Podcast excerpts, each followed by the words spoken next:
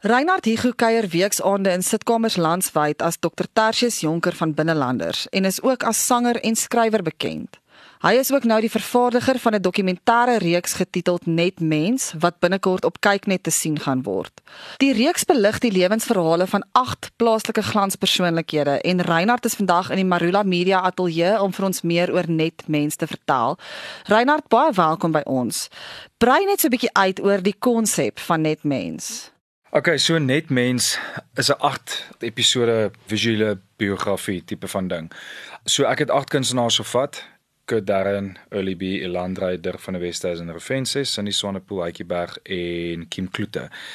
Was baie belangrik geweest om elkeen se storie te vertel iets wat ons nog nie gesien het nie, iets wat nog nie op Fiesta of Kwela was en ander televisieprogramme nie. So ek het 'n letterlike uur met elke kunstenaar. Ek het 'n uur lange episode van 'n kunstenaar se hele lewe, van die dag wat hy gebore is tot waar hy vandag is. Sy moeilike tye, sy goeie tye, sy loopbaan, sy persoonlike lewe met al 8.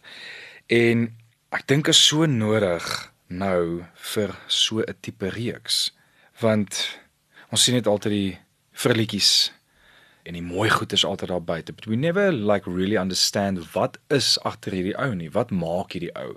Wat is dit? Why do I don't like this guy? Hoekom like ek hom en hoekom like ek hom nie? En ek dink dit is iets wat die publiek ook gaan beleef. Hulle gaan kwaad raak, hulle gaan slegte en goeie comments maak, hulle gaan lag. Hulle gaan soms cringe. Maar ek dink dit is tyd vir dit en die kunstenaars het 'n groot risiko gevat om hierdie te doen ook, jy weet. It's a big risk maar dit gaan nie hulle loopbane seermaak nie. In feite, ek dink dit gaan hulle loopbane enhance, as ek dit so kan sê. Kyk the Real Housewives of Pretoria. Kyk nou hoeveel kommentaar is daar. Dink jy die vervaarders het dit nie geweet nie? Natuurlik het hulle dit geweet. Verstaan, so myne is nie om reaksie te lok nie, myne is net om die storie te vertel. So elke persoon moet dit is elkeen se eie hoe kan ek sê? Elkeen gaan op sy gaan reageer soos hy moet reageer en uh, ek het net die storie vertel. Ek het dit net so bymekaar gesit in die edit. Ek het die vrae gevra en 'n antwoord gekry. So dit lyk proper Netflix, Amazon, Disney Plus. Dit is 'n proper proper Netflix tipe styl dokumentêr. En hoe het jy die 8 mense geïdentifiseer met wie jy graag wou gesels het? So ek het saam met Kim en Cindy en Hytjie obviously baie close saam gewerk en ek het hulle genader en hulle het vir my gesê ja, definitief, hulle sal sweet love. En ek het hulle stories ook geken. Ek dink net nie mense so so seer weet Cindy Swanepoel se storie nie. So na 'n episode het ek baie gehuil. En die ander kunstenaars was omdat ek jare lank saam met hulle gewerk het. Jy weet, ken ek hulle ook en ek dink ook dit was belangrik geweest. Ek het meeste van hulle gekies, maar kyk net het ook gesê luister, hulle wil graag daai en daai in boord hê. Die enigste persoon wie ek nie so goed geken het is die Landrey. Ek het hom basies maar hierdie jaar ontmoet en ek het 'n paadjie met hom gestap en hy het 'n ongelooflike storie. Vir iemand wat so jonk is, dink ek ja, my hoed af, ek haal my hoed af vir elkeen van hierdie mense. So dis hoe die besluitneming gekom het om al 8 te kies. Ek meen ek weet nie hoekom het hulle vir my gesê 8 episode aan die begin nie, maar 8 is 'n lekker getal. So ja, ek sien uit. Dit gaan lekker wees. Jy het nou genoem dat jy met Cindy Swanepoel se episode byvoorbeeld baie gehuil het. So hoe diep is die stories wat die kunstenaars deel?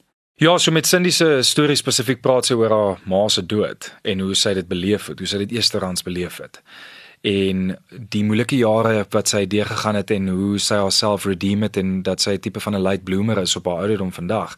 So dit is waar hoekom 'n mens huil, die manier en dan sien ons hoe haar sussie dit vertel en hoe die vriende dit vertel, verstaan jy? So uit hulle perspektief uit wat vriende wat saam met haar op skool was. So dis vir my interesting om dit te sien. So en die kunstenaars het oopgemaak. Ja, hulle het verskriklik baie oopgemaak. Soveel so dat jy soms gaan soos wow, did you really just say that? tipe van ding. Maar dit my vertrou en ek dink dis hoekom hulle oopgemaak het. Jy het nou aan die begin genoem dat jy graag 'n ander kant van die kunstenaars wou wys, jy weet 'n ander kant as wat mense gewoonlik van hulle sien. Dalk kan jy net so 'n bietjie meer uitbrei oor wat presies die doel was toe jy hierdie dokumentêr gekonseptualiseer het en by jouself gedink het hierdie is iets wat nodig is om daar buite te wees. Ja, ek het nie geweet die ding gaan so uitkom as dit uitgekom het nie. So ek het meer gekry as wat ek verwag het. So ek het maar net voorberei met my vrae en ek het nog nooit iemand geïnterview regtig nie, maar ek werk al vir so lank voor die kamera en ook agter wel, menene, jy weet, musiek maak so lank musiek so ek weet wat ek uit hulle uit moes kry. Ek dink die ander kant wat ek wys is hoe is jy as jy in jou huis is? I mean ek het 'n mic net opgesit en net gesê, "Okay, cool, ek wil graag hê chat net met jou ma en jou pa. Vergeet ons as jy. Wanneer sien jy dit ooit? Wanneer sien jy ooit in Kurt se huis hoe hy braai? Wanneer sien jy ooit hoe jy saam met Early B in sy kar ry en resies jag? Wanneer gaan jy ooit saam met die landry na die kwekery toe? Wanneer gaan jy ooit saam met Hytjie Weskoppies toe? Wanneer as jy ooit by Refen sê, so huis en sy ouers se huis? Ons sien dit nie. Ons het dit nog nooit gesien nie. En dis wat ek vir mense daar buite wys. En dis hoekom mense moet kyk, want ek wil hê mense moet sien hoe operate die mense wanneer die deure gesluit is. En dis wat jy gaan sien. En jy het nou genoem jy het ook agter die skerms die vrae gevra en dit was uiteraard soms diep temas wat jy aangeraak het. Was dit vir jou met tye moeilik geweest om party van hierdie temas met mense aan te raak of het daai vertrouensverhouding so vinnig ontwikkel dat dit maklik was om hierdie temas aan te raak? Omdat hulle my vertrou het van die begin, was die wedstryd half gewonne. Baie van hierdie stories het my geraak want ek weet waarvandaan ek kom en hoe moeilik my upbringing was en die challenges wat ek gehad het. So ek kan identifiseer met hulle challenges en waar hulle uitgekom het vir hulle vandag is. So emosioneel belaaid definitief en ek kon identifiseer daarmee. So ek wat die vraag gevra het, dit ek het nie gevoel soos 'n interview wat sê, "Hoorie, so vertel my, waar kom jy nou vandaan?" Nee, dit was sit die kameras gaan rol wanneer ook al jy reg is, kom ons begin. En dan het ek so begin die vrae vra en so inkorporeer en met met die landry het ek letterlik vir 3 ure voor hom gesit en net met hom gepraat. Dis al. En hy het sy hele storie vir my vertel. So dit is was uitmergelend, maar baie rewarding. Kom ons gaan net 'n bietjie terug na hoe jy betrokke geraak het as vervaardiger en as regisseur van hierdie. Was dit net omdat dit jou konsep was of hoe het jy betrokke geraak hierby? So ek het 'n company nodig gehad en ek moes geregistreer het as 'n vendor by Mnet. So ek moes met 'n company naam opkom en toe kies ek die company toe maak ek my maatskappy oop Straatkat Media want ons stad rugby span in Johannesburg se naam was die Straatkatte en dis ek soos okay, Straatkat Media. Wat is die opsomming van Straatkat Media? Toe dink ek net okay, wel 'n kat loop rond. So toe kom ek net op met daar's 'n storie in elke straat.